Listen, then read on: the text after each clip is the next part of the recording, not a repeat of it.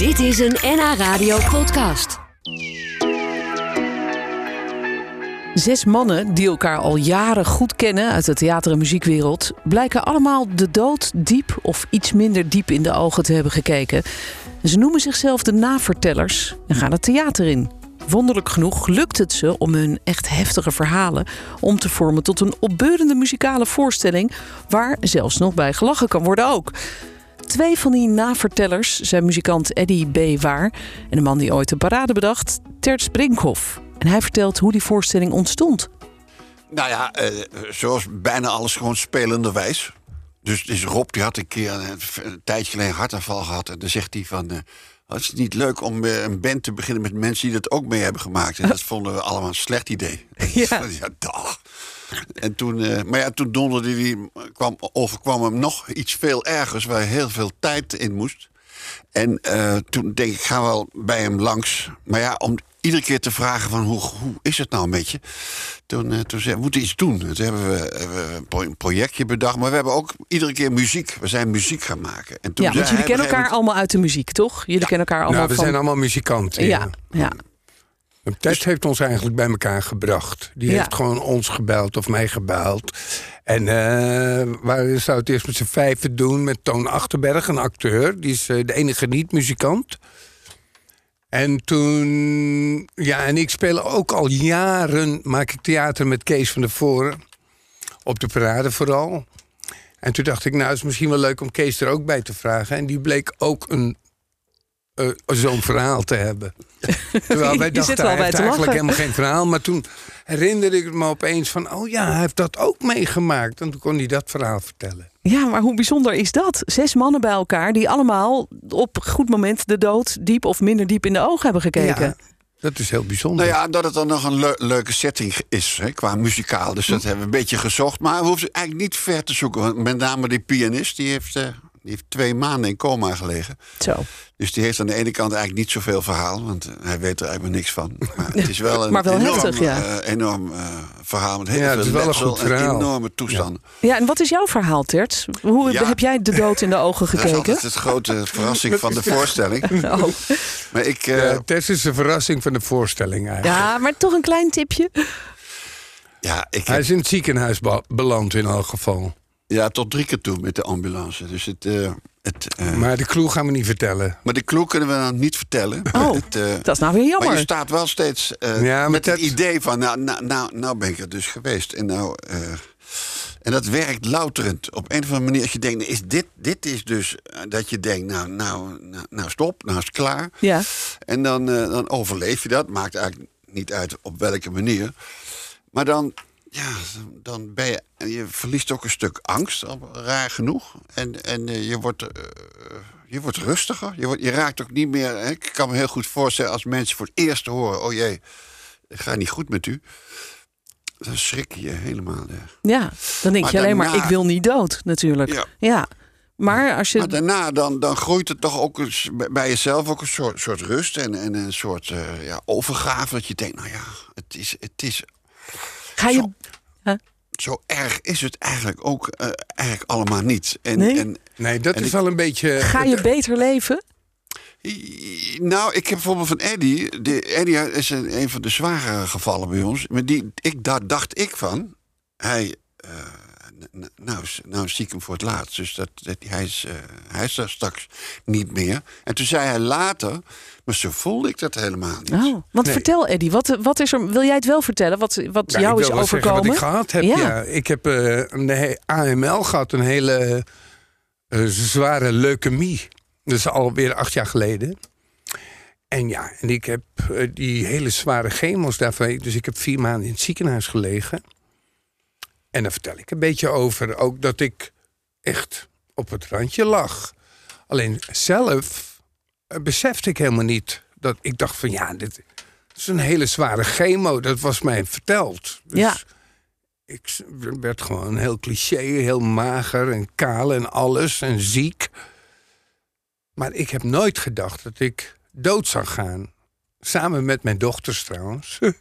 Die geloofden er ook niet in. Die dachten, nee, hij gaat dat overleven. Maar de vrienden Maar- blijkbaar Mijn het vrienden wel, maar eh, ik heb het ook aan de arts gevraagd. Dat kan niet. Ik heb het ook aan de hematoloog gevraagd. Toen ik al uit het ziekenhuis ontslagen was, toen ik beter was.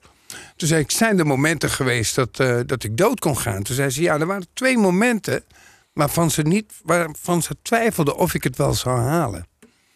Dus op die manier. Maar ik heb het Ja, misschien wel die bijna doodervaring gehad. Want daar vertel ik wel een beetje over. Maar niet zo bewust van, oh, ik ben nou dood of zo. Nee, nee. En nou, ik, ik, kom terug. ik wil er zo veel meer over horen. Maar we willen natuurlijk ook horen hoe, hoe jullie het voor elkaar krijgen om van deze toch wel heel serieuze verhalen.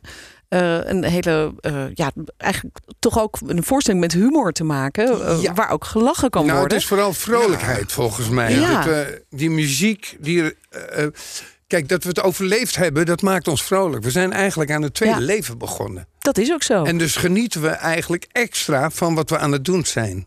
Misschien kunnen jullie. dat want- is mijn insteek dan. Ja, Dus Ja, wij staan daar als, eh, al- als eh, zes vrolijke oude mannetjes enorm te genieten van wat we zelf mogen en kunnen doen op dit moment. ja. En dat maakt die voorstelling heel opbeurend eigenlijk. En jullie zitten klaar met instrumenten om een klein stukje live te laten horen. Dan moet ik er gelijk even bij zeggen: van, het is een beetje spontane actie. Hartstikke leuk dat ze mee zijn. De accordeon eh, eh, en de gitaar. Eh, eh, dus je hoort terts op Het accordeon. is En, Jules het tweede, Het is een liedje het van tweede couplet van Vogelvrij.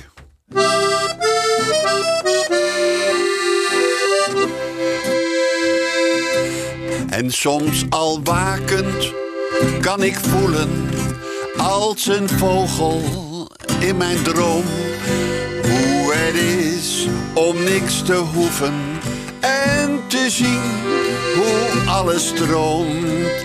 En al wakend kan ik voelen als een vogel in mijn droom hoe het is om niks te hoeven en te zien hoe alles stroomt. Hoe het is om niks te hoeven en te zien hoe alles stroomt. We doen het mooi. Oh, mooi, mooi, mooi mannen. nou, dat- zo dadelijk eh, meer over eh, jullie. Ja, ook dat inderdaad. Zo dadelijk meer over jullie eh, voorstelling. De navertellers, twee van de navertellers zitten hier in de studio. Ik praat vandaag met Terts Brinkhoff en Eddy Waar. En nog eh, samen met vier andere mannen staan ze vrijdagavond in Theater De Liefde in Haarlem. Met een muzikale voorstelling over de dood. De navertellers noemen ze zich. Ja, eh, hemelbestormers. eh, hele mooie termen. Maar de navertellers noemen jullie je. Want jullie hebben alle zes de dood diep of iets minder diep in de ogen gekeken. En daar gaat die voorstelling ook over.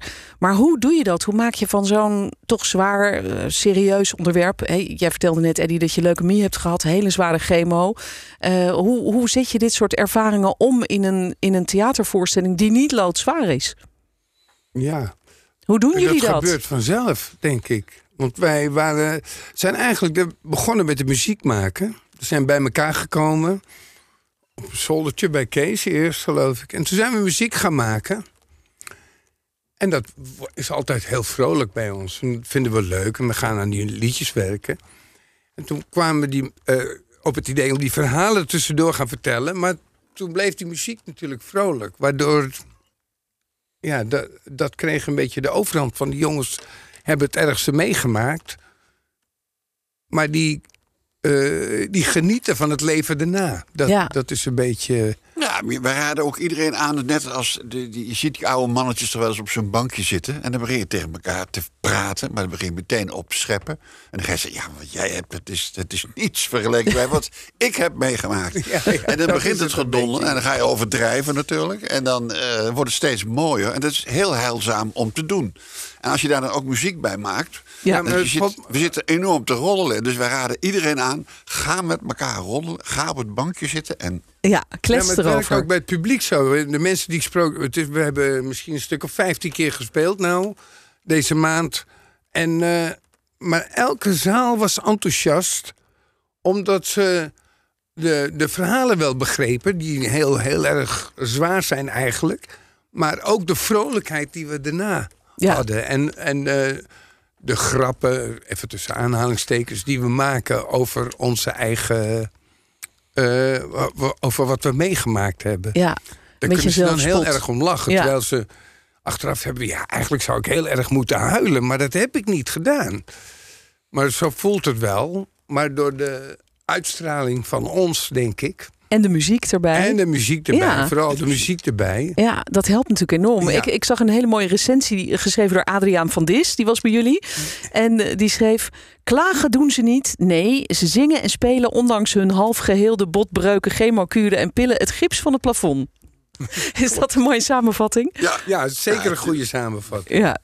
Ja, nou, ze voelt het in ieder geval wel ook zelf om Ja, te zo, doen. Hè? het Dus is van ook dat, zo. je En moet het, ook- het wordt ook niet minder gek genoeg. Want je kan wel eens hebben dat het een soort van... Oké, we moeten die voorstelling spelen. Maar telkens als we met z'n zessen beginnen... dan wordt dat lucifertje weer aangestoken. Dan Ja. staan we weer heel Nou, vrolijk. Het is natuurlijk toch ook je toch persoonlijke verhaal eh, wat je elke keer eh, vertelt. Dus ik kan me ook voorstellen dat dat, dat dat ook elke keer wel weer even terugkomt. Zo'n ervaring die jij hebt gehad bijvoorbeeld in het Ja, ziekenhuis. nou, dat heb ik regelmatig in Ja. de voorstelling. Dat als ik erover vertel, want het is in de winter gebeurd. Toen ik opgenomen werd en, de- en die chemokuur kreeg en alles.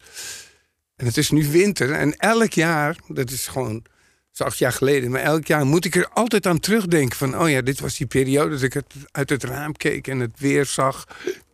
En dat mensen op bezoek en dat ik in dat ziekenhuis, heel gek is dat. Ja, En dat heb ik een paar keer ook wel tijdens de voorstelling gehad. En dan gaat mijn stem af en toe ook een beetje, een beetje trillen daarvan. ja. ja, dat is heel begrijpelijk toch? Ja. Ja. dat zullen de andere heren denk ik ook wel hebben als zij terugdenken aan wat zij hebben meegemaakt. Ja, absoluut. Ja, Ja. absoluut. Nou, we hebben ook iemand die is nu nog steeds eh, onder behandeling, zeg maar. Dus die, die vecht hem ook een beetje voor zijn leven. En dan is het ook heel heilzaam om, om met elkaar muziek te maken. Ja, Dat, Ja. dat, Het eh, helpt hem echt overeind. het houdt hem overeind. En, eh, dus er is niet, niet zozeer leven na de dood, maar het is meer leven met de dood. Dat Ja. is wat, wat, eh, waar nog een heleboel leven in zit, zeg maar. Ja, ja. Ja. En, en muziek. Dit was een NH Radio podcast. Voor meer, ga naar nhradio.nl. Radio.